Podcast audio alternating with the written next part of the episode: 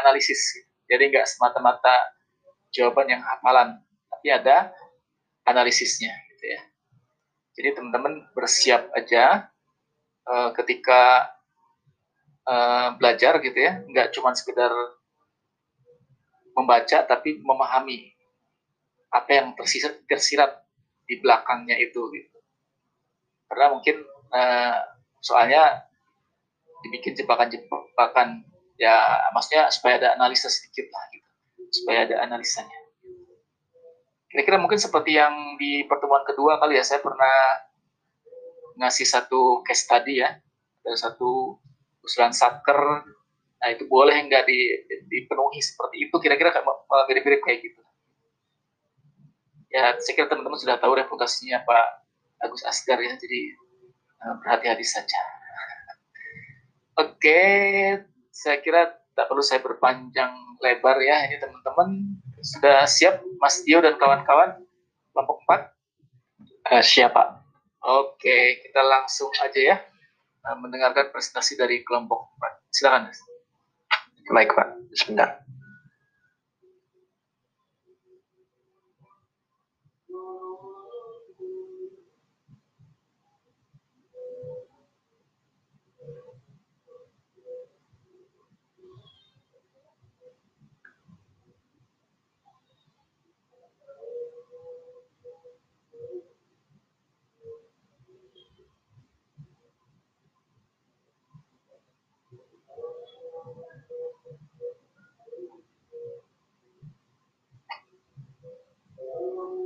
Apa suara saya bisa terdengar?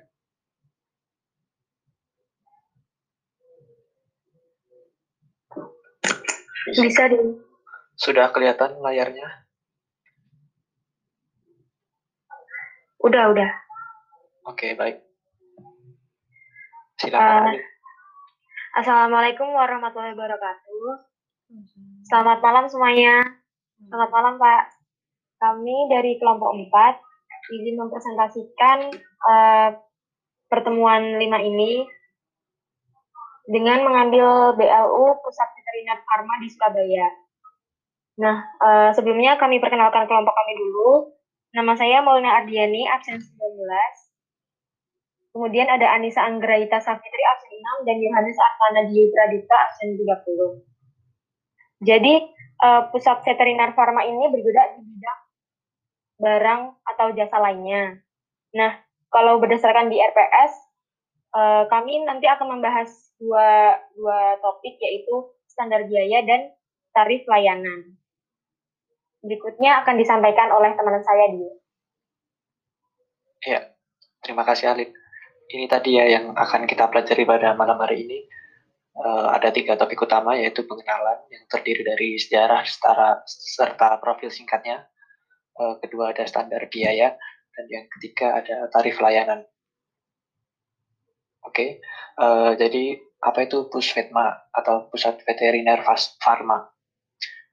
Pusvetma adalah unit pelaksana teknis di bidang kesehatan hewan di bawah Dirjen Peternakan dan Kesehatan Hewan yang tugas pokoknya yaitu untuk melaksanakan produksi, pengujian, distribusi, dan pemasaran serta pengembangan vaksin, antigen, dan antisera serta bahan-bahan biologi lain untuk mendukung program pengendalian penyakit hewan di wilayah Indonesia. Nah, ini ada profil singkatnya dari Pusvetma. Bisa teman-teman lihat sendiri. Pusvetma sudah merupakan BLU penuh ya teman-teman, jadi sudah memenuhi tiga syarat substantif, teknis, dan administratif yang berada di Provinsi Jawa Timur, tepatnya di Surabaya. Pusvetma ini berada di bawah Kementerian Pertanian ya teman-teman. Pusetma memiliki kantor dan fasilitas laboratorium di Jalan Ahmad Yani, nomor 68 sampai 70 di Surabaya, laboratorium antisera di Jalan Oro-Oro Ombo, Batu dan instalasi kandang ayam spesifik antibodi negatif atau SAN di Jalan Karah, Surabaya. Ini sejarah dari Pusvetma itu sendiri. Pertama yaitu pada tahun 1952 rencananya itu namanya bukan Pusvetma, tapi Balai Penyelidikan Penyakit Mulut dan Kuku dan di Jakarta rencananya. Lalu eh, pada tanggal 12 September tahun 1952, BPPMK atau tadi Balai Penyelidikan Penyakit Mulut dan Kuku didirikan di Wonocolo, Surabaya berdasarkan pada surat keputusan Menteri Pertanian nomor 92 UM 52 yang mempunyai tugas tugas utama untuk memproduksi vaksin penyakit mulut dan kuku untuk keperluan Indonesia dan Asia Tenggara. Lalu pada tahun 1955 berubah nama menjadi Lembaga Penyidikan Penyakit Mulut dan Kuku atau LPPMK. Lalu berubah nama lagi pada tahun 1959 menjadi Lembaga Penyakit Mulut Kuku yang diresmikan oleh Menteri Pertanian Mr. Sajarwo dengan didampingi oleh Direktur LPMK Dr. FK Waworuntu. Lalu pada 10 April 1967 berubah nama lagi menjadi Lembaga Virologi Kehewanan atau LVK yang diresmikan oleh Menteri Pertanian Kabinet Ampera Mayor Jenderal TNI Sucipto SH dengan didampingi Direktur Lembaga Profesor Dr. R. Tanjung Adiwinata. Lalu pada 22 September 1978, LVK tadi berubah nama lagi menjadi Pusat Veterinari Veterinaria Farma atau Pusvetma berdasarkan SK Menteri Pertanian dengan nomor yang tertulis. Uh, berikutnya pada 2010 tepatnya tanggal 5 Februari Pusvetma menjadi Satker PK Badan Layanan Umum secara penuh sesuai dengan keputusan Menteri Keuangan nomor 55 KMK 05 tahun 2010. Jadi Pusvetma sudah menjadi BLU penuh uh, selama 10 tahun ya teman-teman. Lalu berdasarkan Peraturan Menteri Pertanian Nomor 39 Permentan OT 146 2012 tanggal 5 Juni 2012 institusi ini menjadi pusat veteriner farma hingga sekarang. Oke, di sini ada visi misi dari Pusvetma itu sendiri. Bisa dibaca di slide-nya menjadi produs produsen vaksin dan bahan biologik veteriner yang berdaya saing global proaktif mencegah terjadinya penyuapan dan menjamin keselamatan dan kesehatan pegawai itu visinya. Lalu misinya ada 10, bisa teman-teman simak sendiri. Nah, untuk memenuhi standar kompetensi, pengujian, pada tahun 2006, Pusvetma telah mendapatkan sertifikat SNI dari Komite Akreditasi Nasional atau KAN dengan nomor akreditasi yang tertera di presentasi berikut serta sudah diupdate ke SNI ISO IEC 17025 tahun 2017 pada tanggal 2 Januari 2019. Selain itu, Pusvetma juga mendapatkan sertifikat ISO 9001 2008 pada tahun pada November 2012 dan telah diupdate ke ISO 9001 2015 pada 3 Desember 2018. Ini moto dari Pusvetma, Hewan sehat, rakyat selamat, negara kuat.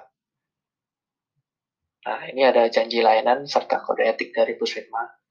Janji layanannya ada lima, yaitu lima tepat. Tepat mutu, tepat waktu, tepat jumlah, tepat harga, dan tepat guna. Sedangkan kode etiknya yaitu siap, SIAP, semangat, inovatif, amanah, dan produktif. Nah, ini ada struktur organisasi dari Pusvetma. Bisa disimak sendiri ada kepala, ada bagian umum, ada bidang pelayanan produksi, bidang pelayanan pengujian mutu dan pengembangan produk, serta bidang kemasaran dan distribusi. Itu merupakan empat bidang utamanya.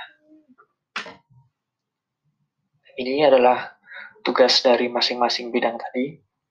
Jadi, Pusetma itu sendiri adalah melaksanakan produksi pengujian, melaksanakan produksi, pengujian, distribusi, dan pemasaran, serta pengembangan produk vaksin antisera diagnostika dan bahan biologis lain seperti yang sudah kita bahas sebelumnya. Dan untuk bagian umum, puskesmas bagian umum yaitu melaksanakan penyusunan program, evaluasi dan laporan, pengelolaan keuangan, kepegawaian dan tata usaha rumah tangga prasarana dan sarana serta perlengkapan. Lalu bidang pelayanan dan produksi yaitu melaksanakan pemberian pelayanan teknis produksi vaksin, antisera, diagnostika dan bahan biologis lain jadi mereka yang mengeksekusi pelayanan yang diberikan oleh Pusetma itu sendiri. Nah, ini dari bidang pelayanan pengujian mutu dan pengembangan produk. mempunyai tugas yaitu melaksanakan pelayanan pengujian dan pemantauan mutu hasil produksi, serta pengembangan dan peningkatan mutu vaksin, antisera, diagnostika, dan bahan biologis lain, serta pengendalian penyakit mulut dan kuku. Dan yang terakhir ada bidang pemasaran dan distribusi. Tugasnya yaitu melaksanakan kerjasama dan optimalisasi pemanfaatan sumber daya, pengelolaan informasi dan promosi hasil produksi, serta penyimpanan dan pendistribusian hasil produksi. Berikutnya akan dilanjutkan oleh teman saya yaitu Alim. Silahkan.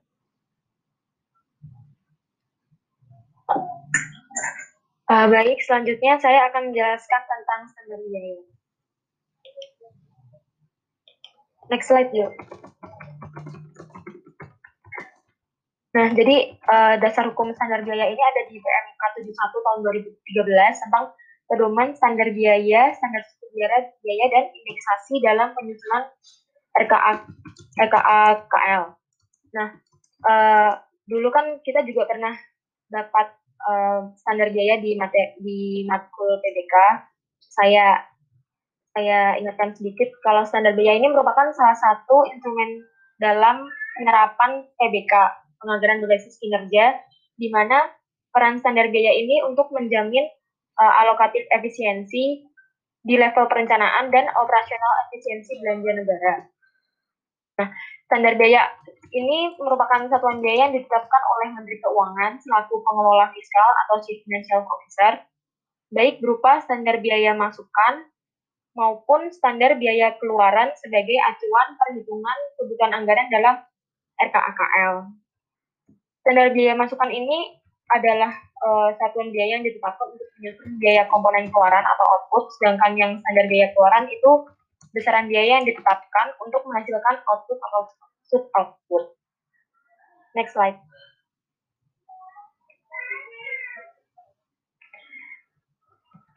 Selanjutnya saya menjelaskan tentang standar biaya yang ada di Satker BLU. Nah, si uh, Satker BLU ini dapat menetapkan SDM dan SDK. Satker, Satker BLU dalam hal ini Pusdetma menetapkan SDM dalam rangka penyusunan RBA-nya.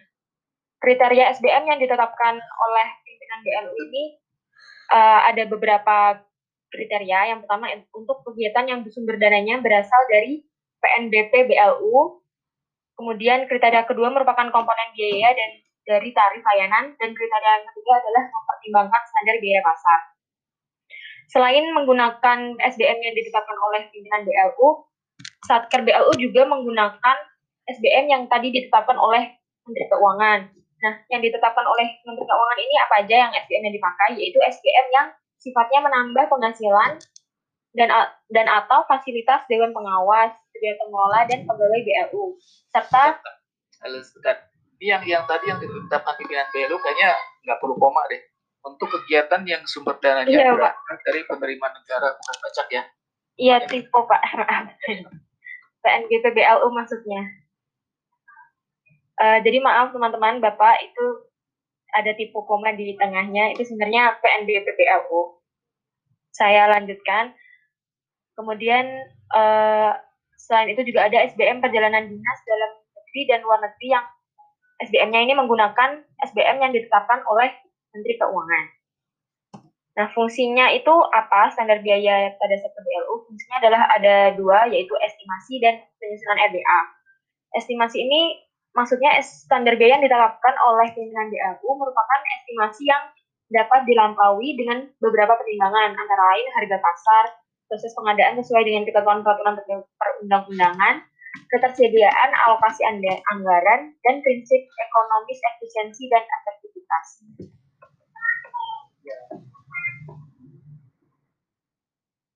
Next slide, you. Nah, uh, tadi sudah saya sampaikan kalau Satker BLU ini dapat menetapkan SDK juga. Jadi, pimpinan BLU menyusun standar biaya keluaran untuk alokasi anggaran yang bersumber dari PNBP BLU. Usulan SBK BLU ini disampaikan Menteri atau pimpinan lembaga kepada Menteri Keuangan, yaitu DJPB, untuk ditelaah dan selanjutnya disampaikan kepada DJA untuk ditetapkan Menko. Uh, BLU yang sudah menetapkan SBM, penyusunan SBK-nya ini menggunakan SBM yang telah ditetapkan oleh pimpinan BLU tadi. Terus yang BLU yang belum menetapkan SBM, mohon maaf itu ada kesalahan ketik lagi. BLU yang belum menetapkan SBM ini penyusunan SBK-nya menggunakan SBM yang ditetapkan oleh Menkyu yang tadi uh, saya sampaikan di slide sebelum-sebelumnya dan atau menggunakan standar biaya standar biaya masukan lainnya.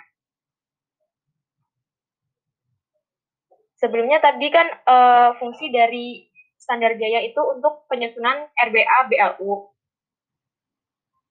Uh, nah, ini Dio file BLU-nya udah dikirim belum? Oh iya, sebentar.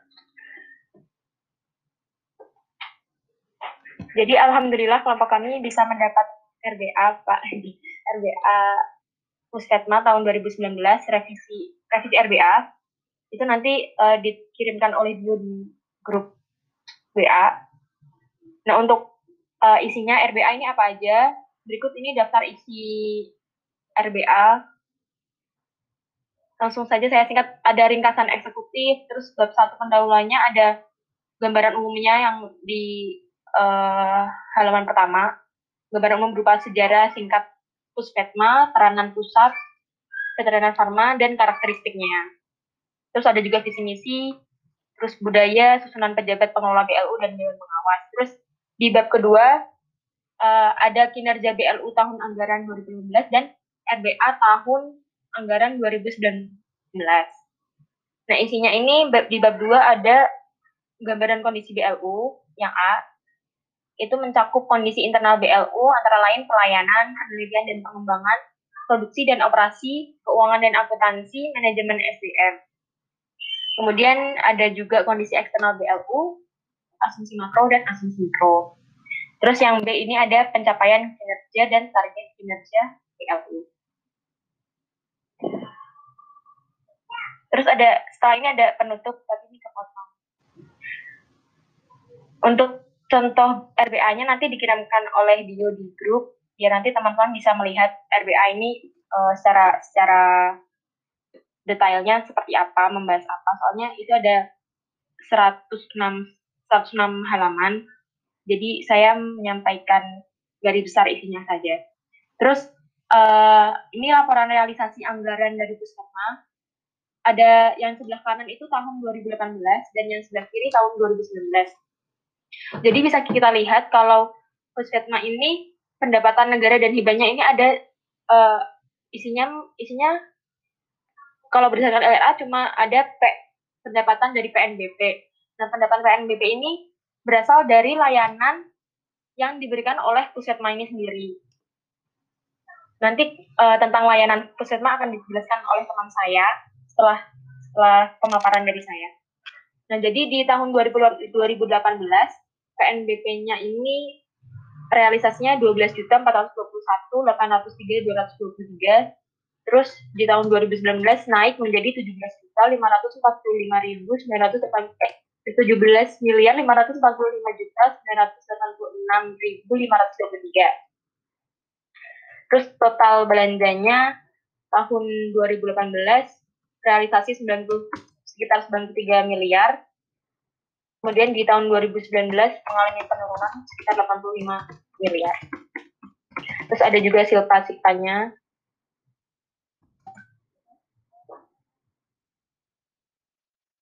Udah dikirim Dio Pak di grup WA, itu ada yang atas RBA tahun 2019. Itu kalau teman-teman mau melihat detailnya seperti apa, bisa dilihat di situ. Next slide, Bio. Selanjutnya, uh, mengenai tarif layanan akan dijelaskan oleh teman saya, An Anissa. Halo, suara saya apakah terdengar? Terdengar, Anis. Oke, yang selanjutnya tarif layanan. Jadi dasar hukum dari tarif layanan sendiri itu adalah PP nomor 23 tahun 2005 dan PMK nomor 100 tahun 2016 tentang pedoman umum penyusunan tarif layanan PLU. Next.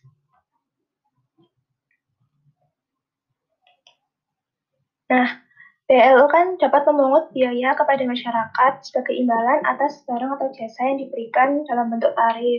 Jadi mengacu pada pasal 9 PP nomor 23 tahun 2005 itu dijelaskan bahwa tarif layanan BLU disusun atas dasar perhitungan biaya per unit layanan. Sebagaimana diketahui, perhitungan biaya per unit layanan itu merupakan salah satu komponen di dalam RBA tadi yang sudah dikirim Dio di grup tadi. Nah, Tarif layanan diusulkan oleh PLU berkenaan kepada menteri atau pimpinan lembaga di atasnya, yang selanjutnya akan diajukan kepada Menkeu untuk ditetapkan. Kemudian, di dalam usulan tarif, tarif tersebut, itu memperhatikan empat aspek. Yang pertama yaitu kontinuitas dan pengembangan layanan. Nah, kontinuitas dan pengembangan layanan ini yaitu maksudnya Tarif layanan dapat meningkatkan kemampuan PLU dalam memperoleh pendapatan untuk memenuhi kebutuhan biaya dalam penyediaan barang atau jasa layanan, dan mendorong kesinambungan serta pengembangan bisnis PLU. Yang kedua, daya beli masyarakat, yaitu tarif layanan memperhitungkan kemampuan dan kemauan masyarakat untuk membeli barang atau jasa layanan yang dihasilkan oleh PLU berdasarkan pendapatan masyarakat, kemudian perubahan harga barang atau jasa layanan, sama nilai mata uang. Aspek yang ketiga itu asas keadilan dan kepatutan.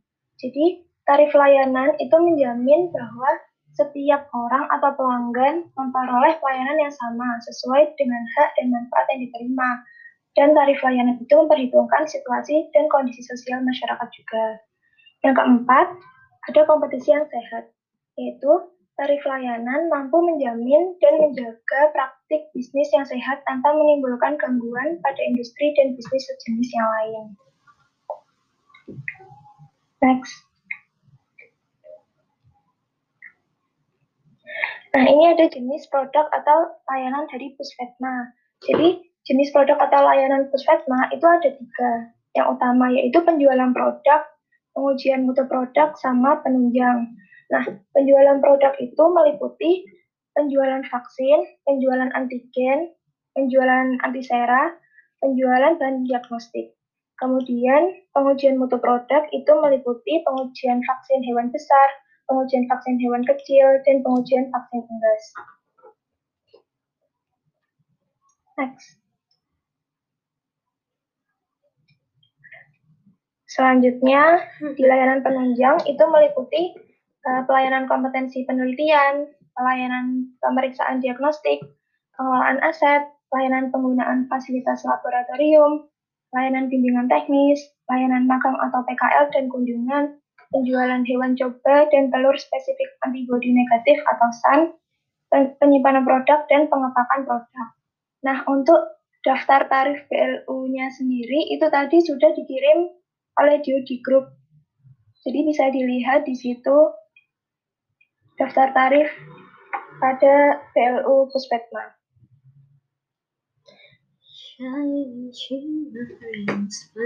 Next. Yang terakhir adalah pencegahan dan pemberantasan korupsi di PLU Puskesma. Jadi, uh, Puskesma ini selain memiliki standar pelayanan publik agar masyarakat pengguna layanan Puskesma mendapat pelayanan publik yang maksimal, uh, juga melakukan berbagai penataan sistem penyelenggaraan uh, penyelenggaraan uh, pemerintahan pemerin, penyelenggaraan sistem di Pusetma itu yang baik, efisien, dan efektif sehingga sejalan dengan reformasi birokrasi. Nah, jadi Puspetma itu menerapkan sistem manajemen anti penyuapan SNI ISO 37001 2016 dengan nomor akreditasi LS SMAP 001 IDN itu sejak 3 Desember 2018 dengan tujuan untuk mencegah dan memberantas korupsi dari berbagai aspek sesuai instruksi Presiden nomor 10 tahun 2016. Nah, untuk mendukung pemberantasan korupsi ini, Puspetma menyediakan sistem BPS atau whistleblower system, yaitu fasilitas yang dapat digunakan oleh seorang whistleblower yang ingin melaporkan indikasi tindak pidana korupsi dan whistleblower tersebut akan dijamin kerahasiaan identitasnya. Pusvetma juga menyediakan kontak dan pengaduan di webnya Dan rekapan atas pengaduan tersebut juga dapat dilihat oleh masyarakat. Uh, sebelumnya teman-teman bisa melihat di grup ada ada file di bawahnya RBA itu ada tarif BLU pusat veteriner veteriner. Nah di situ uh, bisa ditampilkan aja mbak yang tarifnya itu terutama. Baik pak. Soalnya ini ini menarik. Jadi kita bisa langsung uh, melihat case tadinya langsung nih tentang tarif.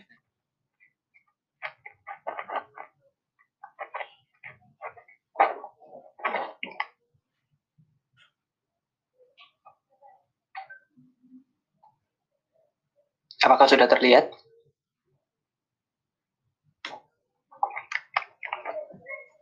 Belum, belum, belum. Oh, karena agak lama. Coba ditunggu sih.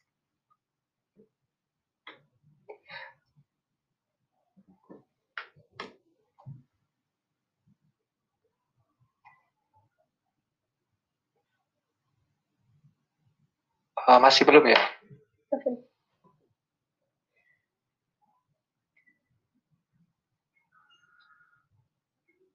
Masih belum. Oh, masih belum. Sebentar.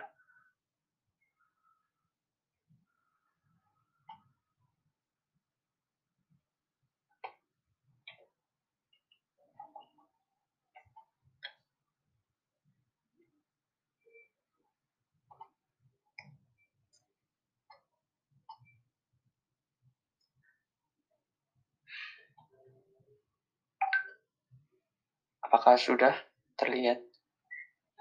Udah, udah. Selanjutnya tarif BLU akan dijelaskan oleh Anissa. Iya, jadi bisa dilihat di situ uh, daftar tarif BLU Pusat Veteriner Pharma. Jadi yang pertama itu ada uh, layanan penjualan produk. Nah, layanan penjualan produk itu terdiri dari uh, penjualan vaksin hewan besar, vaksin hewan kecil, vaksin unggas, antigen, kit ELISA, serum dengan satuan dan tarif yang dapat dilihat di tabel tabel bawah di.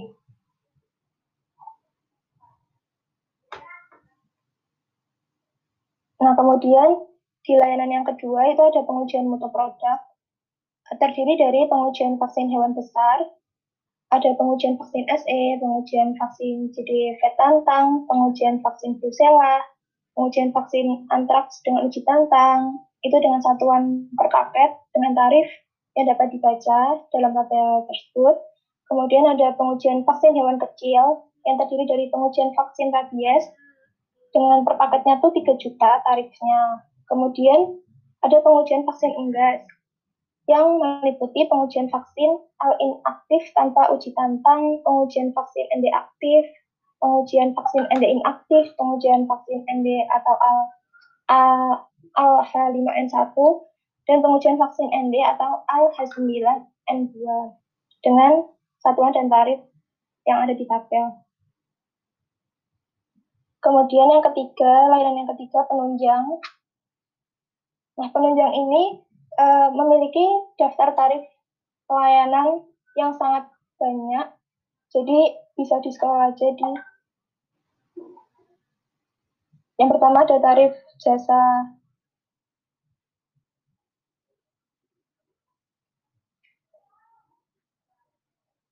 Yang pertama ada tarif jasa. Yang menarik yang yang apa uh, yang ketiga apa sih pendampingan ya ke atas lagi ke atas tadi kan ada pendampingan untuk D3 proposal penelitian ya. Jadi iya. ini menarik nih karena kita kan lingkungan mahasiswa ya. Jadi kayak istri saya juga dulu eh, penelitiannya kan dia di IPB ya. Penelitiannya kultur jaringan itu di eh, punya punya Kementerian Pertanian gitu seperti ini sama gitu. Dan ternyata ini ada tarifnya ya. Jadi misalnya untuk pro, uh, pendampingan proposal penelitian. Ini baru proposalnya kayaknya ya. Proposalnya aja D3 100 ribu, S3 250 ribu. Kemudian pada saat penelitiannya itu sendiri ini lumayan besar ya. Yang S3 itu sampai 1 juta 250. Artinya mahasiswa yang uh, sedang melakukan penelitian untuk laporan akhirnya gitu ya untuk tesis skripsi atau uh, disertasi dia bisa menggunakan masimpulkan bahwa masyarakat memang seharusnya yang melaporkan mendapatkan imbalan mengenai apa keberaniannya untuk mengungkap korupsi, melaporkan korupsi, tapi mungkin secara eksekusinya belum mendapat hadiah dan itu kurang tahu kami kenapa tidak mendapat hadiah yang sepatutnya mereka dapatkan. Mungkin begitu jawaban saya.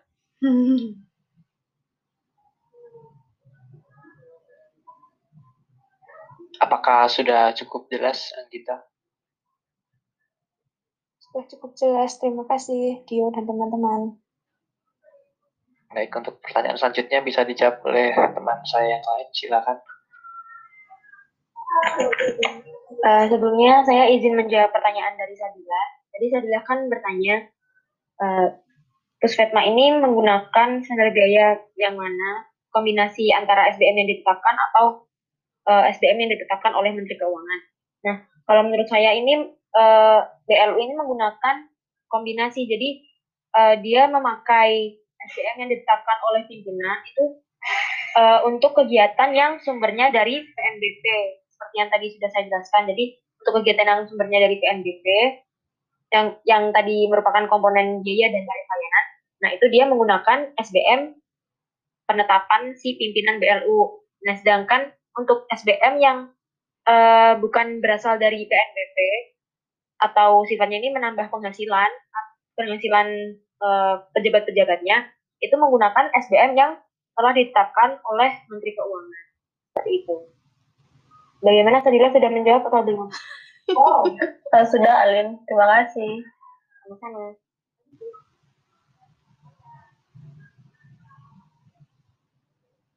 pertanyaan selanjutnya dari dari yang WBS WBS tadi dijawab oleh teman saya Anissa. Izin menjawab pertanyaan dari Amara. Tadi terkait tarif distribusi produk ya, itu nah eh, berdasarkan yang kami temukan, yang diatur berkaitan dengan distribusi itu adalah yang untuk ekspor. Jadi dalam keputusan Kepala BLU Puspetma tentang pengenaan penetapan kriteria dan tata cara pemberian tarif layanan BLU Puspetma itu ada disebutkan tata cara pengenaan tarif penjualan produk ke luar negeri.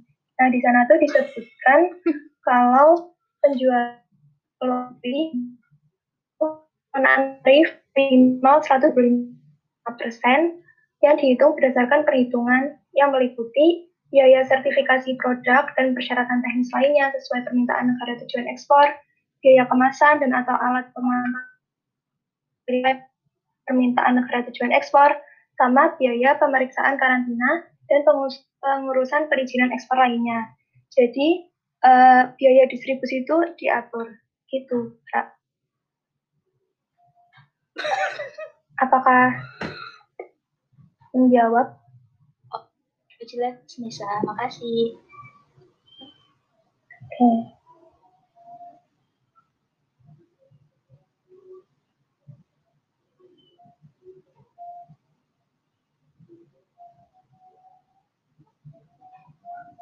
Apakah teman-teman ada yang ingin ditanyakan lagi terkait presentasi kami?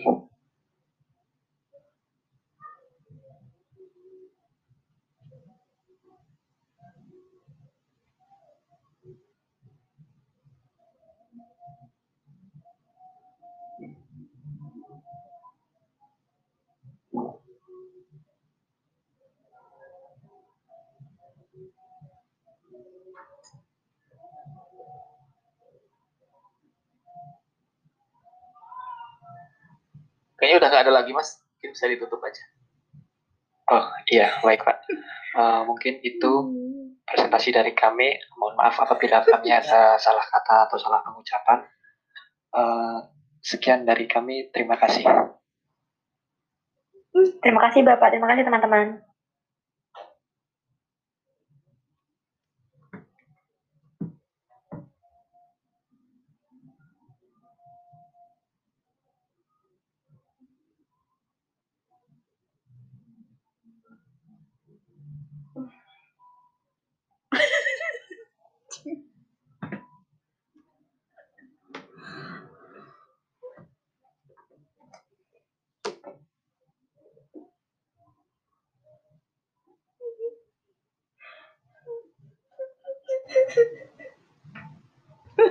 Sekarang giliran saya ya. Um, sudah terlihat? Sudah terlihat, Pak. Sudah terlihat, Pak. Oke. Uh, mungkin saya nggak akan berpanjang lebar ya di sini karena tadi juga sudah dijelaskan terkait dengan ini.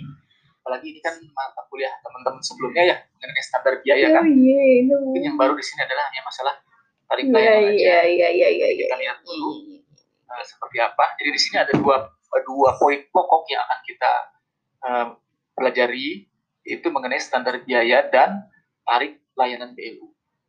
Nah, sebagai pengantar dulu, uh, di sini kita sudah belajar mengenai kewajiban dari BLU ya. Di antaranya di sini ada nomor satu, menyusun tarif layanan BLU. Nah, ini sebagai pembuka ya.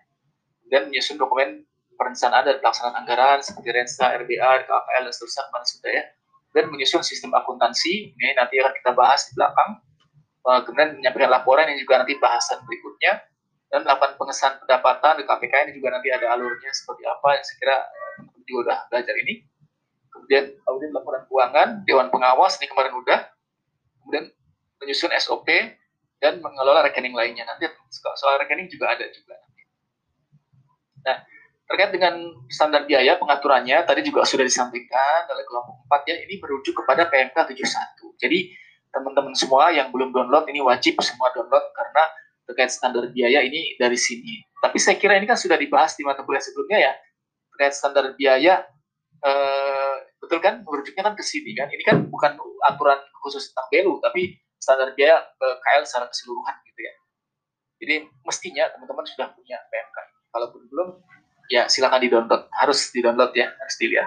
Dan standar biaya adalah satuan biaya yang ditetapkan oleh Menteri Keuangan selaku pengelola fiskal atau si financial officer baik berupa standar biaya masukan maupun standar biaya keluaran sebagai acuan perhitungan kebutuhan anggaran dalam penyusunan RKAKL tadi sudah disampaikan. Jadi standar biaya ini ada dua, yaitu standar biaya masukan dan standar biaya keluaran. Nah di sini saya pengen mengasih kesempatan teman-teman yang ingin menambah nilai, uh, siapa yang ingin menjelaskan ini standar biaya masukan itu apa, standar biaya keluaran itu apa, di mana sih uh, perbedaannya seperti apa? Silakan yang mau mereview lagi apa yang sudah didapatkan di mata kuliah sebelumnya.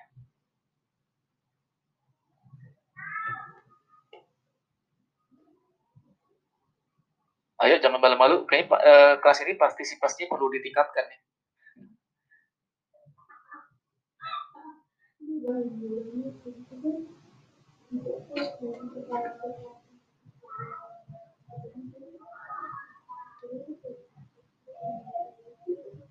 Ayo, siapa yang coba mau menjelaskan? Yang jelas sudah dapat kan waktu mata kuliah sebelumnya kan? Sudah pernah dibahas, Pak. Ya. Ayo, silakan siapa yang mau coba uh, menjelaskan lagi. Seingatnya aja. Tidak perlu uh, perfect gitu. Jangan takut salah. Misalnya salah pun tetap dapat nilai.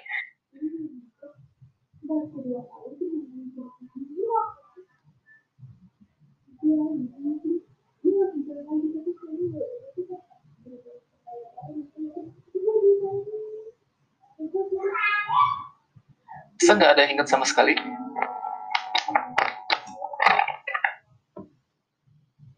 Izin menjawab, Pak. Oke, silakan. Edis ya. Ya. Ya. Jadi seingat saya itu kalau di anggaran tuh dikenal istilahnya struktur anggaran, Pak. Dari misalnya program, dari program turun kegiatan, dari kegiatan itu turun ke misalnya komponen sampai sampai dengan ke detailnya. Nah, untuk di detail ini kita menggunakan SPM ini standar biaya masukan sebagai dasar penyusunan setiap-tiap uh, detailnya. Nah, dari SBM ini nanti kan akan direkapitulasi sehingga menghasilkan SBK. Nah, SBK ini itu dasarnya itu outputnya. Jadi untuk satu output itu SBK-nya berapa sih? Seperti itu, Pak, yang saya ingat. Oke, ya, saya kira secara umum seperti itu ya penjelasannya. Atau ada teman-teman yang lain yang mau menambahkan silakan. Tapi apa yang disampaikan dari situ sudah, sudah tepat seperti itu ya. Yang lain ada yang mau uh, menambahkan atau uh, memberikan penjelasan yang berbeda mungkin silahkan.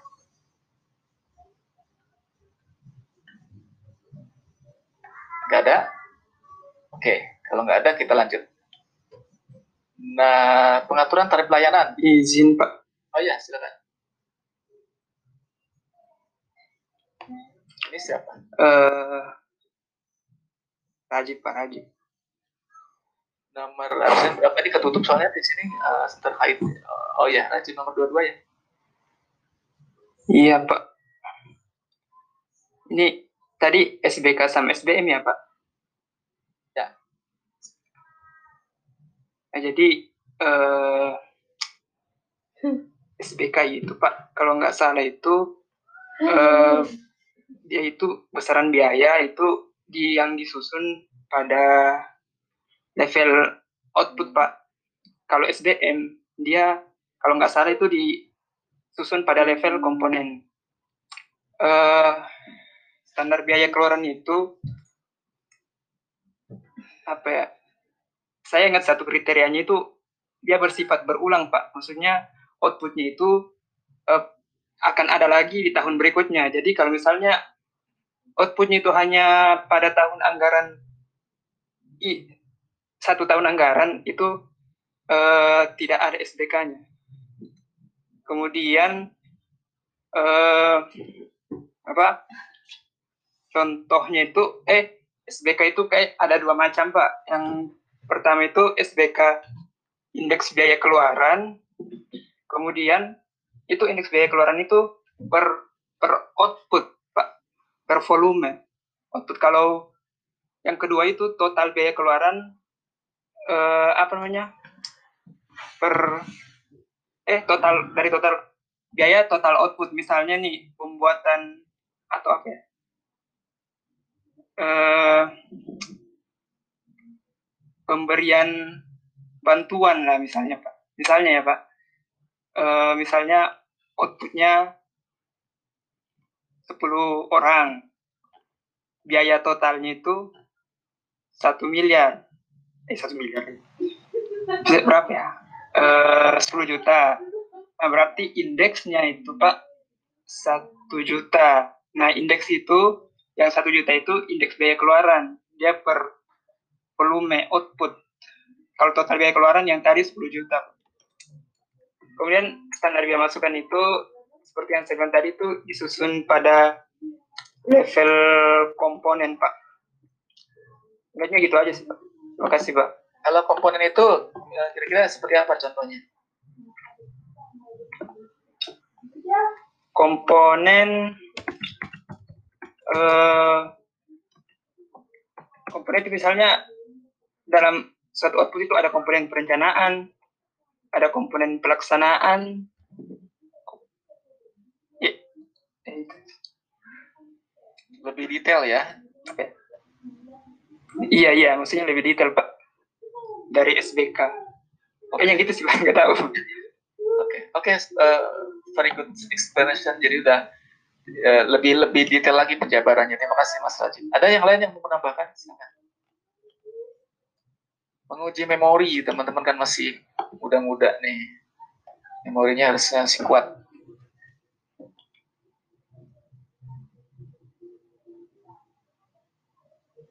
Kalau saya terus terang udah lupa semua detail-detailnya. Uh, izin menambahkan sedikit, Pak. Ya, ini siapa? Amara. Amara ya, Amara nomor dua. Silakan, Pak. Uh, sedikit aja, Pak. Jadi uh, terkait dengan SBM, standar biaya masukan itu uh, benar kalau dia itu menyusun biaya dari komponen. Nah, tapi nggak cuma di level komponen aja, bahkan sampai ke yang paling detail yaitu detail akun.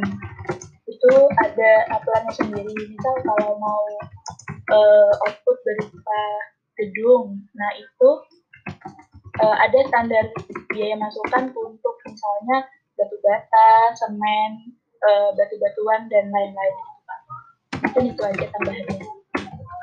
Oke, terima kasih ya Mbak Amara. Jadi begitu ya kira-kira teman-teman mudah-mudahan sudah terrefresh lagi ya Jadi uh, sampai ke untuk SDM itu mas sampai ke detail sekali seperti misalnya honorarium ya, uh, tarif perjalanan dinas itu pun perjalanan dinas pun lebih detail lagi untuk perjalanan dinas misalnya di dalam kota DKI berapa, luar kota misalnya ke Jogja berapa, gitu ya, ke Bali berapa seperti itu. Jadi uh, detail. Sedangkan yang SPK ini namanya juga keluaran kan dia melihat output jadi lebih lebih general totalnya berapa untuk satu keluaran untuk output tertentu ya memastikan suatu outcome gitu.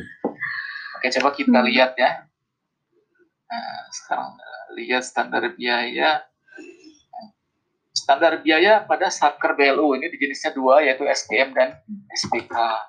Kewenangannya, SPM ditetapkan oleh pimpinan BLU, tadi sudah dijelaskan ya sama kelompok 4. Uh, ini oleh pimpinan BLU itu kalau dia uh, SPM yang menambah penghasilan dan atau fasilitas dewan kecuali ya kecuali SPM yang uh, menambah penghasilan atau fasilitas sebagai dewan pengawas, pejabat pengelola dan pegawai BLU itu nggak boleh oleh pimpinannya. Atau misalnya untuk perjalanan dinas baik dalam negeri maupun luar negeri, yang dua ini harus oleh Menteri Keuangan. Dan kriteria SBM-nya adalah untuk kegiatan yang sumber dananya berasal dari penerimaan negara bukan pajak saya koreksi ya di slide-nya nomor 4. Kemudian eh, merupakan komponen biaya dari tarif layanan. Nah, jadi sini tarif itu mempunyai peranan yang penting. Makanya ini jadi jadiin satu pembahasannya. Karena untuk menghitung SDM ini juga uh, harus lihat tarifnya juga. Dan mempertimbangkan standar biaya yang ada di market yang ada di pasar. Ini kriteria-kriteria seperti ini. Kemudian fungsinya uh, ini uh, standar biaya yang kita pimpinan BU sifatnya estimasi estimasi itu artinya adalah anker-anker berarti nggak saklek gitu boleh uh, nggak nggak tepat seperti itu gitu ya. Nah, tadi juga sudah jelaskan juga, hmm. kemudian digunakan untuk menyusun RBA. Kemudian uh, berikutnya standar biaya masukan. Definisinya adalah satuan biaya yang ditetapkan untuk menyusun biaya komponen keluaran atau output dari harga satuan, tarif, dan indeks. Nah, ini kayaknya kebalik deh, ini yang bikin slide. Pemberlakuannya uh, beberapa atau seluruh kementerian negara atau satu kementerian saja. Nah, jadi biasa bisa aja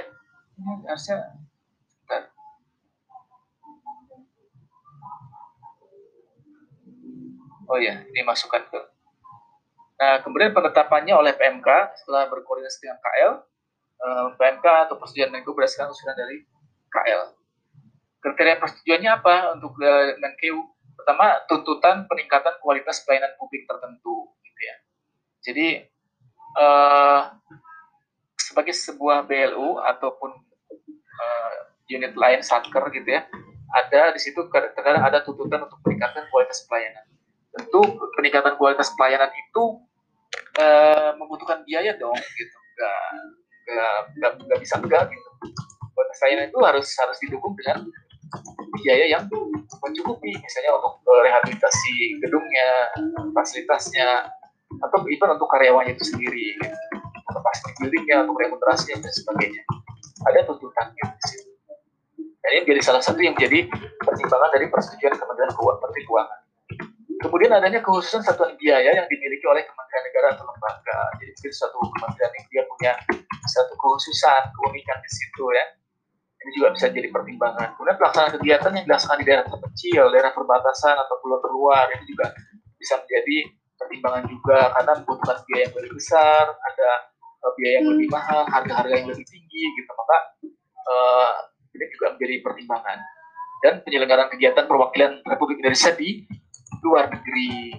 Di luar negeri ini kan unik gitu. Karena seperti misalnya diplomat-diplomat kita mereka akan berputar ya. Dan biasanya biaya hidup tertinggi itu ada di Tokyo di New York gitu ya. Kalau di negara-negara kayak Afrika atau Asia Tenggara itu relatif kecil. Maka teman-teman di Kementerian Luar Negeri senang kalau dia ditempatkan di Amerika atau di Jepang gitu ya. Karena itu mereka mendapatkan yang lebih gitu ya. Saya juga pernah main ke apartemennya teman saya yang kerja di KBRI Tokyo. Itu dia nyewa apartemennya aja. Waktu itu eh, sebulan itu berapa puluh juta gitu di Tokyo karena memang mahal sekali ya kemudian fungsinya dalam perencanaan anggaran ini batas tertinggi untuk memastikan biaya komponen uh, keluaran atau output dan alat review angka dasar baseline. Menghitung alokasi kebutuhan sebagai bahan penyusunan pagu indikatif. Ini yang di uh, disetujui oleh Menteri Keuangan. Kemudian standar biaya masukan dalam pelaksanaan uh, ini lanjutannya. Kemudian batas tertinggi atau estimasi dapat dilampaui dengan mempertimbangkan harga pasar. Jadi kalau batas tertinggi itu berarti plafon tertinggi yang nggak bisa dilampaui ya. Sedangkan kalau estimasi itu masih bisa dilampaui dengan pertimbangan-pertimbangan harga pasar. Misalnya ternyata pada saat pengadaan harga pasarnya sudah mengalami perubahan yang cukup signifikan misalnya maka boleh dilampaui proses pengadaannya sesuai dengan ketentuan peraturan perundang-undangan itu PPD ya Perpres mengenai eh, pengadaan barang dan jasa ketersediaan alokasi anggaran dan prinsip ekonomi efisien dan efektivitas tadi saya kira sudah disampaikan juga ya. Tanggung jawabnya siapa PA atau KPA tanggung jawab atas kesesuaian penggunaan SPM serta kebenaran formal dan material penggunaan SPM lainnya pengawasannya adalah oleh aparat internal KL yang bersangkutan. Kemudian hal-hal penting dalam SPM. Dalam penerapan SPM, KL harus melakukan langkah-langkah efisien sebagai berikut. Pembatasan dan pengendalian biaya perjalanan dinas. Pembatasan dan pengendalian biaya rapat di luar kantor. Penerapan sewa kendaraan operasional sebagai salah satu alternatif penyediaan kendaraan operasional. Nah ini semuanya sudah kita lakukan di kantor, terutama di era sekarang yang kita sedang sulit ya perjalanan dinas sudah dari tahun kapan itu dipangkas. Jadi kalau yang nggak penting banget itu nggak boleh ada perjalanan dinas, gitu ya. Uh, tapi kadang-kadang justru di KL lain tuh yang ya seperti itulah. Kita di Kementerian Keuangan itu sudah betul-betul berhemat, tapi di KL lain tuh kayaknya asik-asik aja gitu. Apalagi kayak Pemda-Pemda gitu ya, ya kurang kontrol. Kemudian rapat di luar kantor. Ini juga sudah sangat diminimalisir sekali. Uh, kita juga biasanya dulu dalam setahun tuh bisa sebulan tuh bisa di hotel tuh dua tiga kali ya rapat di kantor di hotel. Tapi sekarang setahun tuh paling cuma satu atau dua kali aja. Itu betul-betul yang hand banget gitu ya. Nah, sekarang istilahnya rapat dalam kantor RPK gitu. Karena rapat di luar kantor itu kan di hotel itu biaya itu besar sekali. Kita rapat dua hari aja itu butuh dana minimal 50 juta untuk operasionalnya untuk bayar hotelnya makanan dan sebagainya itu besar sekali ya kemudian sewa kendaraan juga karena kita sewa aja dari rental. Kemudian pembatasan honorer tim pelaksana kegiatan. Nah ini juga tim ini menjadi modus juga kalau dulu nih. Jadi untuk menambah penghasilan biasa dibentuk tim. Padahal kerjanya kerjaan rutin dibikin tim. Sehingga untuk pejabat-pejabat itu kadang satu bulan tuh mereka bisa masuk ke dalam tim lebih dari 10 tim. Nah, sedangkan satu tim itu katakanlah honornya satu juta. Sekarang masuk ke 10 tim. Tanpa ngapa-ngapain dia dapat tambahan 10 juta? Karena tim itu banyak yang abal-abal gitu. Bahkan dia nggak tahu menahu kerjanya apa. Tahu-tahu menerima honor tanda tangan gitu ya. Nah itu yang uh, terkadang menjadi satu pencurian yang dilegalisasi istilah seperti itu. Maka kemudian sekarang ditekan uh, setiap pegawai itu hanya boleh maksimal dua tim saja di dalam satu tahun gitu. Boleh masuk tim banyak, tetapi yang dibayarkan hanya maksimal dua saja. Itu kalau untuk untuk pejabat eh, eselon satu dan dua. Untuk eselon tiga dan empat ini maksimal tiga tim pelaksanaan kegiatan. Oke, ya, kemudian standar biaya keluaran. Ini besaran biaya yang ditetapkan untuk penghasilan keluaran atau output atau sub output eh, terdiri dari indeks biaya dan total biaya keluaran. Ini tadi sudah dengan sangat baik uh, dijelaskan oleh Mas uh, Rajib ya kalau nggak salah tadi ya Mas Rajib. Uh, thank you Mas Rajib. Jadi uh, memorinya masih luar biasa, masih bagus. Pemberlakuan untuk beberapa atau keseluruhan kementerian atau untuk satu kementerian tertentu saja. Kemudian penetapannya dengan PMK uh, setelah berkoordinasi dengan KL atau PMK berdasarkan usulan KL. Kriterianya, nah ini yang tadi juga disampaikan, uh, berulang. Jadi harus ada pengulangan, baru boleh ada uh, SPK. Kemudian mempunyai jenis atau satuan yang jelas dan terukur dan mempunyai komponen atau tahapan yang jelas. Fungsinya, pertama dalam perencanaan, merupakan batas tertinggi yang besarnya tidak boleh dilampaui. Kemudian merupakan referensi penyusunan perkiraan maju, dan bahan perhitungan pagu indikatif, KL, dan atau referensi penyusunan SPK untuk output sejenis pada KL yang berbeda. Jadi bisa menjadi acuan juga. Dalam pelaksanaan sebagai estimasi dapat di lampaui dengan memperhatikan proses pengadaannya sesuai dengan ketentuan peraturan perundangan sama dengan SPN tadi ya ketersediaan alokasi anggaran dan uh, prinsip-prinsip ekonomi, efisiensi dan efektivitas. Penggunaannya KL wajib menggunakan SPK dalam penyusunan KKL wajib ya. Pengawasannya adalah pengawasan ke internal pemerintah atau KL dalam hal ini adalah Jen. Proses penetapan SPK sama dengan SBM tadi, ada PA, KPA menyusun SPK menggunakan SBM dan mengusulkannya kepada KL. Kemudian KL mengusulkan SPK kepada Menteri Keuangan dalam hal ini DJA. DJA bersama KL melakukan penelaahan ya pembahasan atas usulan SPK tadi, kemudian mengajukan usulan SPK hasil penelaahan kepada Menteri Keuangan untuk ditetapkan. Jadi alurnya seperti ini ya. Kemudian sekarang ke tarif. Dasar hukumnya adalah Undang-Undang Nomor 1 Tahun 2004 tentang Perbendaharaan Negara di mana di situ disebutkan di dalam bab mengenai pengelolaan keuangan negara pasal 69 ketentuan lebih lanjut mengenai pengelolaan keuangan BLU diatur dalam PP. Jadi cantolannya ke sini untuk pengaturan pengutaran hal-hal yang sifatnya lebih detail uh, diamanahkan untuk membentuk suatu peraturan baru yaitu PP. Maka kemudian keluarlah PP 23 2005 yang sudah dirubah dengan PP nomor 74 tahun 2012 di mana pasal 9 disebutkan BLU dapat memungut biaya kepada masyarakat sebagai imbalan atas barang atau jasa yang diberikan. Jadi dapat memungut biaya kepada masyarakat. Imbalan dalam bentuk tarif yang ditetapkan oleh Menteri Keuangan dan disusun berdasarkan unit cost atau hasil berinvestasi dana. Tarif mempertimbangkan empat aspek. Dan ini uh, dinukilkan dari pasal 9. Dan dari sini kemudian turunlah uh, aturan pelaksanaannya yaitu PMK yang sekarang uh, digabungkan ke dalam satu PMK itu PMK 129 tahun 2020.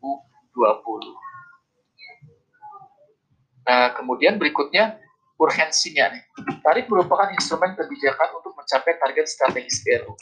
Jadi ini tarif ini menjadi instrumen yang sangat penting sekali dan ini sangat terkait dengan uh, pencapaian target strategis BLU. Ingat bahwa BLU itu uh, mempunyai dua uh, hal utama yang harus menjadi pegangan mereka yaitu layanan dan pendapatan gitu. Dan itu semuanya mempunyai keterkaitan dengan tarif. Pendapatan itu juga sangat tergantung dengan tarif sampai juga volume dan juga dari sisi layanan ya. Bagaimana layanan itu bisa meningkat tentu membutuhkan biaya dan biaya bisa digunakan dari PNBP-nya bagaimana mereka mengoptimalkan pendapatan dan meningkatkan pelayanannya seperti itu secara strategis tarif ini merupakan legalitas pungutan. Jadi dasar hukum atau dasar legalitasnya BLU itu memungut itu adalah tarif bahwa mereka sudah e, diberikan amanah boleh e, memberi menerima pendapatan berdasarkan tarif yang ditetapkan oleh Menteri Keuangan. Gitu ya. Kemudian juga sebagai alat untuk menyusun rencana strategi dan bisnis. Target-target pendapatan tentunya dengan melihat tarif yang ada. Gitu. Dan juga di dalam menyusun budgetingnya. Kemudian dari sisi keuangan, ini tentu saja kaitannya dengan pencapaian target pendapatan serta untuk mengontrol biaya dari sisi belanjanya ya. Dan untuk layanannya adalah pengembangan layanan.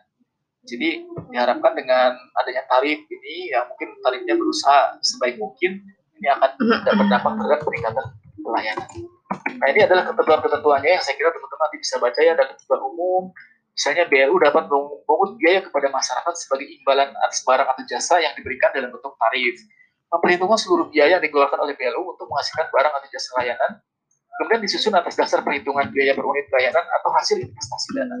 Bentuknya adalah besaran tarif, eh, nilai nominal uang, jadi bisa dalam bentuk nilai nominal uang, dan atau presentasi dari harga patokan atau indeks harga kurs pendapatan kotor dan atau penjualan kotor atau bersih dan ada polanya, ada formula tarif-tarif di sini.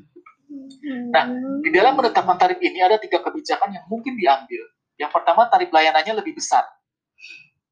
Tarif layanan lebih besar dari seluruh biaya yang telah dikeluarkan untuk menghasilkan barang dan jasa layanan. Jadi di sini ambil untung ya.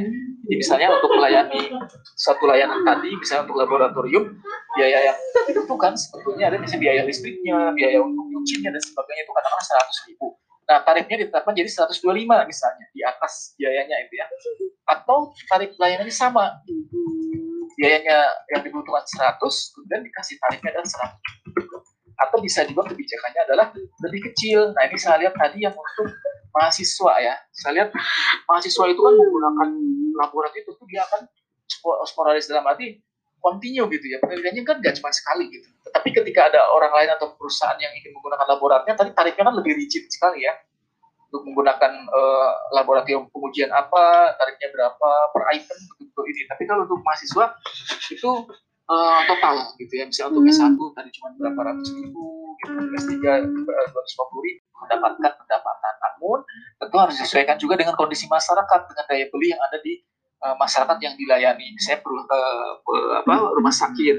Rumah sakit tingkat uh, satu dengan tingkat dua yang ada di daerah itu akan berbeda uh, tarifnya. Karena menyesuaikan dengan daya beli masyarakat di uh, tempat tersebut gitu ya.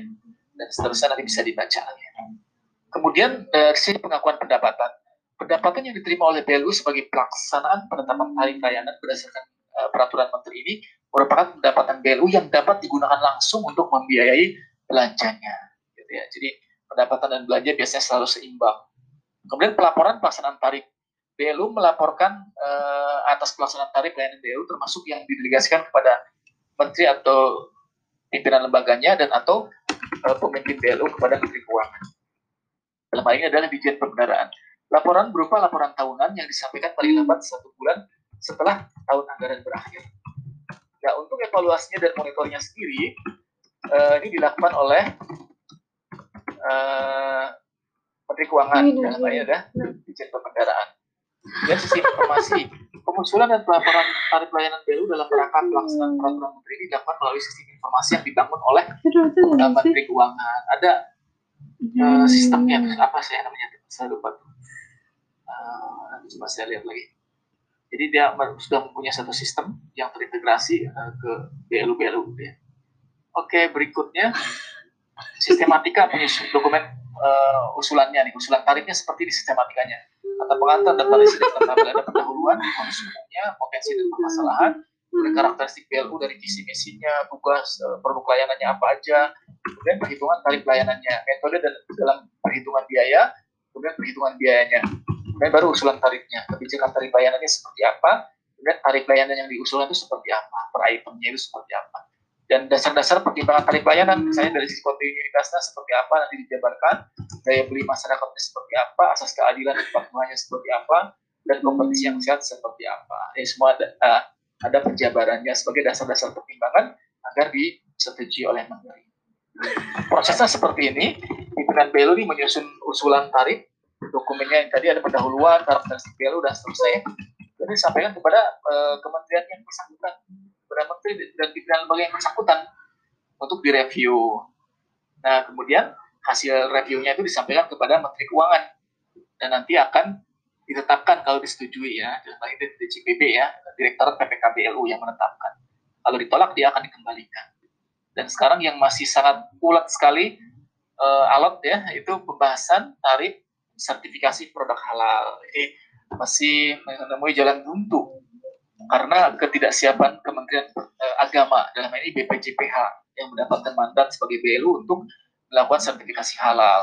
Karena tadi kita lihat kan itu harus rinci sekali harus detail sekali. Dan mereka tuh belum punya itu gitu. Tapi sudah memaksa kita sudah bikin harus bikin tarif gitu. Makanya dikembalikan lagi sama Menteri Keuangan. Tolong dong kalian bikin dulu SOP-nya, uh, kemudian spesifikasinya secara detail, misalnya untuk sertifikasi halal itu kan sangat luas sekali ya untuk barang-barang produksi. Misalnya uh, untuk yang sifatnya hewani, tempat pemotongan hewan gitu, untuk makanan-makanan olahan dan sebagainya itu kan sangat sangat rigid sekali yang butuh butuh uh, apa namanya laboratorium dan sebagainya. Nah itu mereka nggak belum punya gitu, tapi ngejar-ngejar terus penetapan tarifnya. Tentu ini hal yang tidak bisa diterima gitu. Nah, itu dikembali, contohnya kasus yang dikembalikan oleh Kementerian Keuangan sampai sekarang bolanya masih di sana.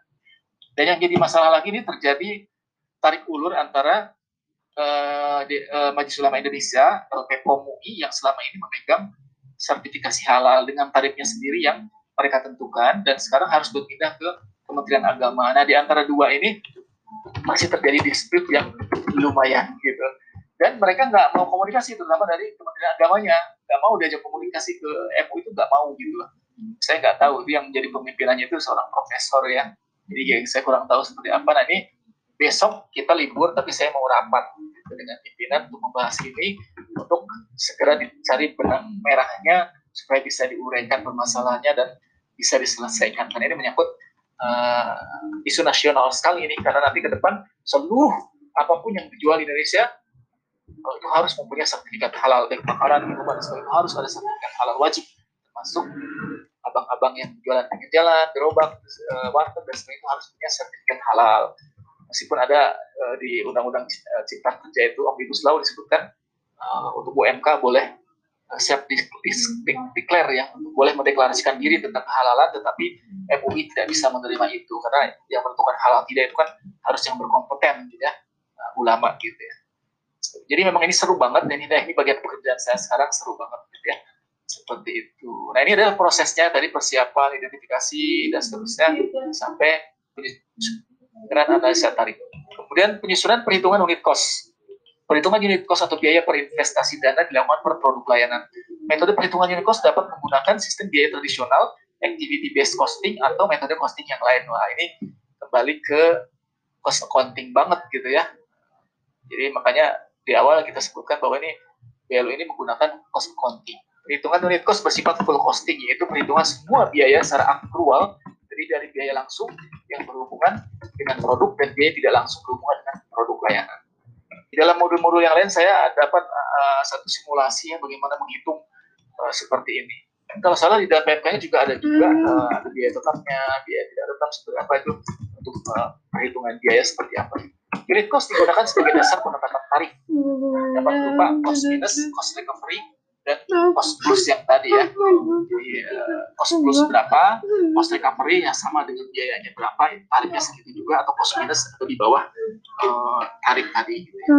Dan seterusnya ini bisa dibaca nanti analisis tarif layan BLU cukup pas empat aspek tadi, kontinuitas, daya beli, asas keadilan dan uh, kompetisi yang sehat. Misalnya perbandingan tarif dengan kompetitor sejenis, saya rumah sakit di daerah uh, kompetitornya seperti apa, tarifnya mereka seperti apa, kemudian posisi BLU di pasar dan pengaruh pemberlakuan tarif terhadap kompetitor kira-kira bagaimana gitu. Itu ada analisanya.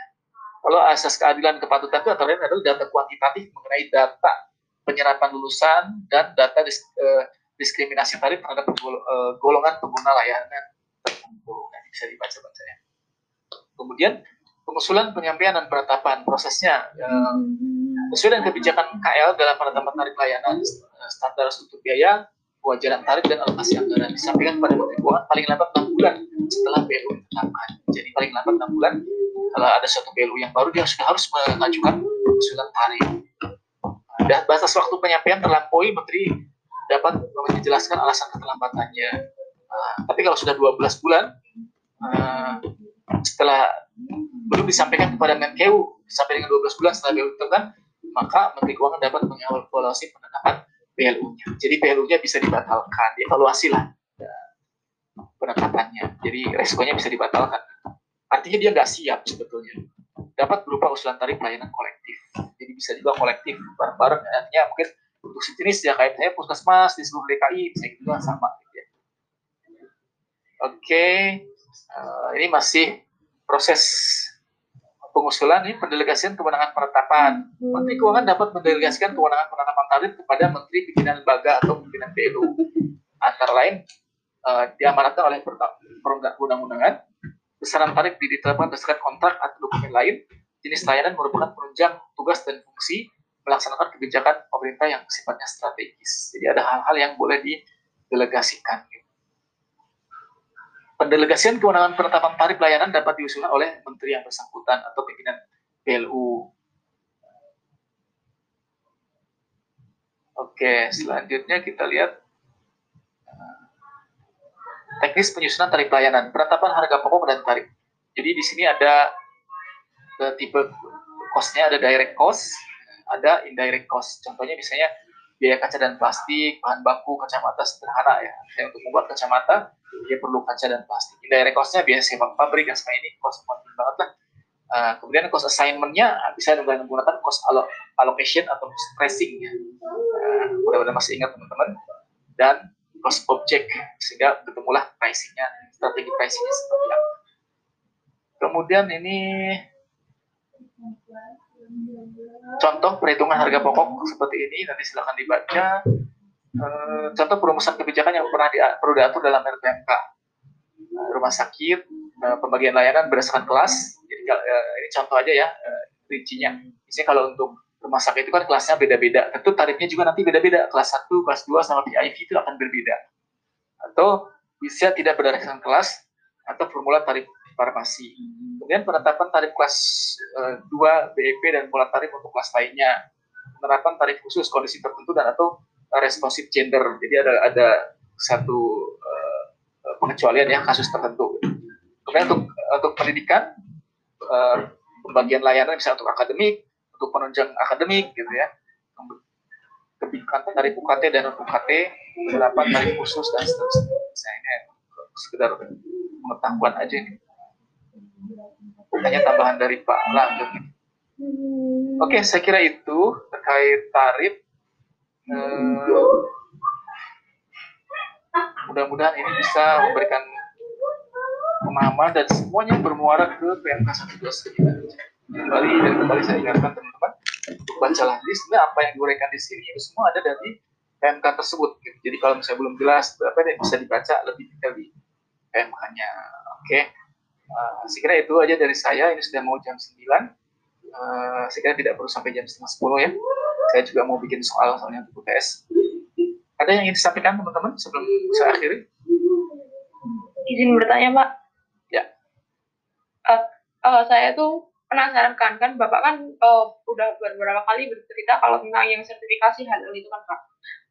Nah, uh, dan penerapan uh, sertifikasi halal kan kata Bapak tadi nggak mau diterap mau mau diterapin ke bahkan mereka berdagang di jalan gitu kan Pak. Nah, yang saya pernah yang mungkin saya penasaran tuh uh, sejauh ini udah sejauh ini tuh bagaimana rencana penerapan tarifnya gitu. Jadi kan misal uh, misal nih Pak, jadi jalan tuh ada sama-sama toko ayam bakar misal, tapi yang satu yang satu udah udah gede kan yang satu kayak masih baru gitu kan Pak. Dan kan juga pasti memiliki keuangan yang berbeda. Nah, kayak kayak gitu tuh tarifnya apakah disamakan atau bagaimana Pak? Terus sama uh, yang kalau misalnya di jalan-jalan itu kan juga, juga banyak orang makan yang punya tulisan halal gitu kan Pak, tulisan halal. Nah, tapi itu kan masih nggak punya nomor nomor tersertifikasi oleh MUI kan Pak. Nah, apakah itu bakal disertifikasi juga Pak? Nah, saya penasaran di situ. Terima kasih Pak. Oke, okay, saya kira pertanyaannya bagus banget ya Mbak Dia. Nah, ini memang isu yang sangat uh, hangat sekarang ini ya. Cuman memang masyarakat belum banyak yang tahu. Padahal itu ada di Undang-Undang Cipta Kerja. Nah, kebijakannya pemerintah itu uh, berpihak kepada UMKM, di mana di situ jelas disebutkan bahwa untuk UMKM dengan uh, omset kurang dari satu miliar, gitu ya. Tapi soal soal angka ini di RPMK memang masih ada pembahasan juga ya. Itu nanti tarifnya adalah nol rupiah gitu. Jadi yang omsetnya di bawah satu miliar tarifnya adalah nol rupiah which is itu pasti isinya adalah UMKM yang sampai saat ini menguasai ekonomi kita itu sekitar mungkin 80 persen lebih itu adalah pebisnis kita adalah UMKM gitu. Jadi justru ini yang jadi jadi masalah itu di sini mbak. Nah karena amanat undang-undang itu mengatakan seperti itu bahwa UMKM ini harus disertifikasi juga tetapi biayanya 0% alias apa ditanggung oleh pemerintah gitu karena kan tetap uh, eh, 0% itu bukan berarti nggak ada komponen biaya yang harus dikeluarkan, nggak ada SPM gitu ya. Tetap ada gitu. Untuk mengurus mereka itu kan tetap butuh biaya. Seperti misalnya untuk penelitiannya, laboratorium dan sebagainya kan, uh, istilahnya kan nanti kan ada LPH LPH ya lembaga uh, pe, apa sih peneliti halal atau apa ya uh, selalu panjangannya. Itu nanti kan akan dibentuk ya di seluruh Indonesia, masuk kampus-kampus juga nanti bisa dilibatkan ormas gitu ya, menjadi LPH LPH ini untuk uh, penyelidikan terhadap dari kehalalannya gitu ya. Nanti yang menetapkan kehalalannya adalah uh, BPJPH Kemenang, tapi yang nanti fatwanya terkeluar dari uh, eh, MUI. Nah, rencananya seperti itu. Nah, uh, kita juga menyadari bahwa uh, UMKM itu tidak banyak yang siap. Gitu. Dari sekian juta UMKM yang ada, itu mereka semua butuh pembinaan. Maka nanti kita sedang di KNK sedang mengusulkan program pembinaan UMK uh, bersertifikasi halal. Jadi program pembinaan menuju UMKM bersertifikasi halal gitu ya. Uh, nah itu melibatkan nanti akan melibatkan banyak pihak termasuk CSR dari perusahaan-perusahaan BUMN. Kan banyak tuh kita lihat misalnya UMK binaan Bank Mandiri misalnya gitu ya. Pembinaan Pertamina. Nah nanti akan prioritas yang ini dulu yang sudah dapat pembinaan dari eh, BUMN. Biasanya mereka lebih siap. Biasanya mereka sudah dikelola dengan lebih modern.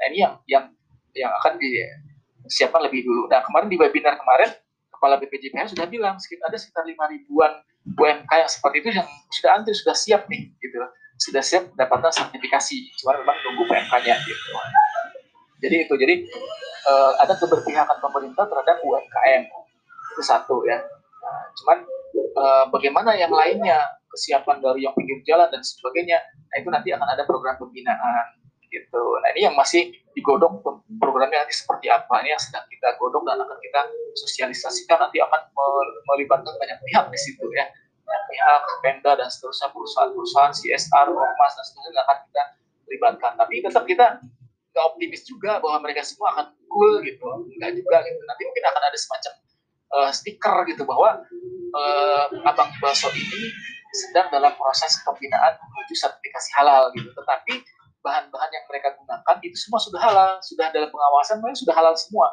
Tapi tetap harus ada uh, pernyataan bahwa produk yang dihasilkan itu adalah halal, meskipun semua bahannya halal, tapi tetap harus ada pernyataan nantinya gitu, ada stempel halalnya tetap harus ada gitu, meskipun dari sisi bahan sudah kita teliti itu halal semua gitu.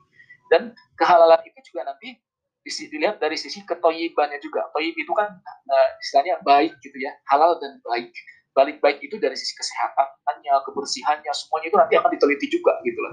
Jadi nggak cuma sekedar halal aja, tapi bagaimana dia ngelolanya. Kadang-kadang teman teman mungkin yang nggak tahu ya di kontraknya abang-abang baso itu, abang uh, es krim. Kalau saya karena banyak teman yang bekerja seperti itu sering main tuh kontrakannya. Ya memang masa Allah sih sebenarnya kalau lihat suasana sih mungkin kita nggak tega juga makanya gitu. Tapi karena udah lapar enak aja gitu ya.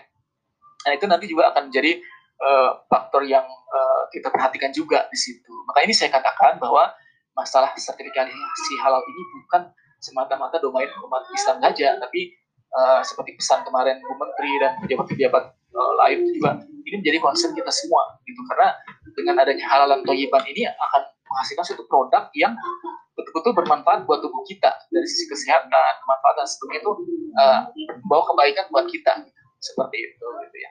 Uh, dan Adapun sekarang ada yang stempel-stempel pinggir jalan itu kalau yang bukan dari MUI ya itu ilegal ngaku-ngaku aja itu yang yang nggak bisa diterima. Itu Mbak dia kurang lebih jawaban saya ya. Ini memang masih seru pembahasannya. Gitu ya nanti kita Pak. Terima kasih ya Pak. Ya sama-sama. Yang lain ada?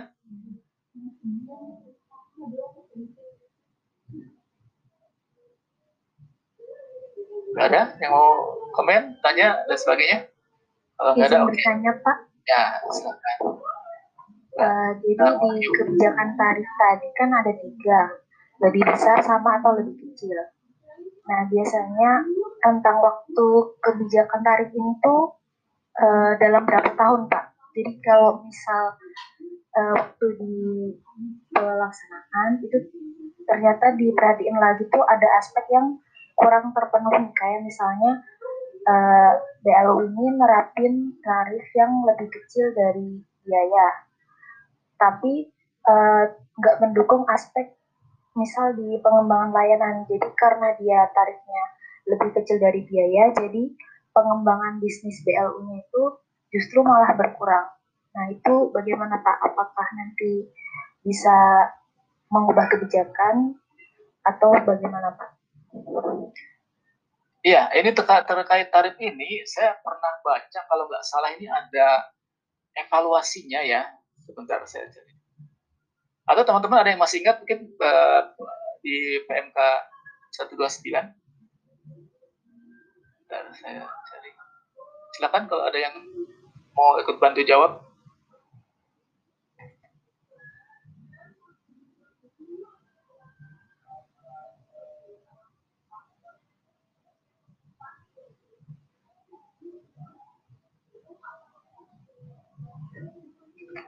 Sebentar ya Mbak, saya carikan dulu. Saya uh, agak lupa soalnya nih. Tapi seingat saya sih ada evaluasinya.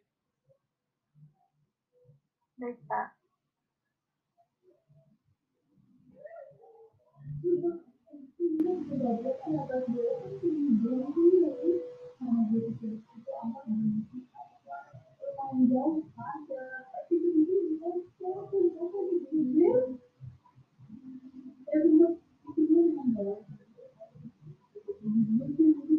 Oke, biar nggak nggak lama-lama, saya nggak mau uh, uh, berandai-andai menjawab yang saya nggak yakin ya. Nanti saya akan cari dulu jawabannya terkait hal itu ya Mbak. Dan terima kasih pertanyaannya bagus. Saya tampung dulu ya, nanti akan saya sampaikan kemudian. Oke, ada lagi? Izin bertanya Pak.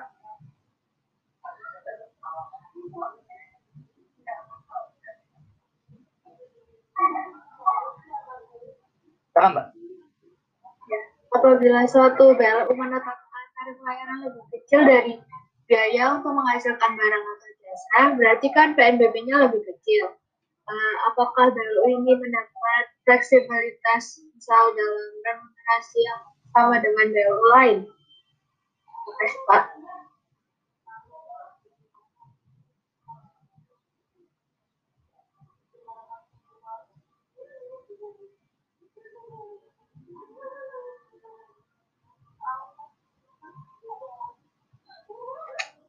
Jadi gini yang bisa saya pahami, uh, untuk tarif pelayanan yang lebih rendah itu biasanya itu memang lebih kepada lebih mengedepankan pada aspek layanan ya. Seperti misalnya tadi yang di uh, eh, BLU yang jadikan contoh di depan ya, itu ada betul-betul dia lebih kepada unsur pelayanannya kepada mahasiswa gitu. Mahasiswa kan dianggap nggak punya duit gitu, padahal ya kalau S3 sih ya duitnya udah banyak gitu ya atau di rumah sakit misalnya. Di rumah sakit itu bisa jadi yang tarifnya yang di kelas 1 itu sebetulnya mungkin di bawah biaya yang sesungguhnya dibutuhkan gitu. Tetapi kemudian biasanya ada sisi lain yang tarifnya itu jauh di atas biaya itu. Misalnya untuk yang kelas VIP gitu. Itu jauh lebih besar. Gitu. Nah, sehingga di situ ada subsidi gitu. Sehingga itu sudah diperhitungkan gitu. Sudah diperhitungkan sehingga tidak perlu lagi ada semacam uh, fasilitas khususan misalnya dengan fleksibilitas yang berbeda gitu. Karena semua punya fleksibilitas yang sama gitu. Uh, tetapi di dalam hal ini kita harus ingat kembali bahwa uh, kinerja BLU itu dihitungnya adalah dari sisi layanan dan keuangan. Tapi porsinya adalah 70 persen ke layanan gitu ya. 70 persen ke layanan. Uh, kinerja pendapatannya hanya dinilai 30 persen seperti itu. Dan kita kembali ke ke tarif pelayanan untuk sertifikasi halal aja, justru berpihaknya kepada UMKM yang jumlahnya jutaan lebih banyak dari pengusaha-pengusaha yang omsetnya di atas satu miliar gitu. seperti itu. Sehingga pendapatan yang mereka terima itu nanti akan dibebankan kepada pemerintah ya tentu tentu akan sama aja dengan dengan cost yang di, diperlukan gitu. Nggak ada keuntungan kan dari pemerintah. Seperti itu. Jadi saya untuk melayani 5.000 UMKM dengan tarif 0% itu dibutuhkan satu UMKM-nya satu juta katakanlah. Berarti kan dengan 5.000 UMKM kali satu juta, berarti kan udah 5 miliar. Nah, 5 miliar itu memang betul-betul biaya yang dibutuhkan untuk melayani itu gitu, nggak ada nggak ada makam keuntungan gitu. Sehingga nanti APBN akan menyediakan dana sekitar 5, 5 miliar aja, tidak 5 miliar plus berapa untuk keuntungan BLU gitu. Ini nggak seperti itu. Gitu. Jadi saya melihatnya kebijakan itu adalah dari situ, dari sisi uh, pelayanannya gitu. Itu Mbak kira-kira jawaban saya. Baik, Pak. Terima kasih. Oke, ada yang lain?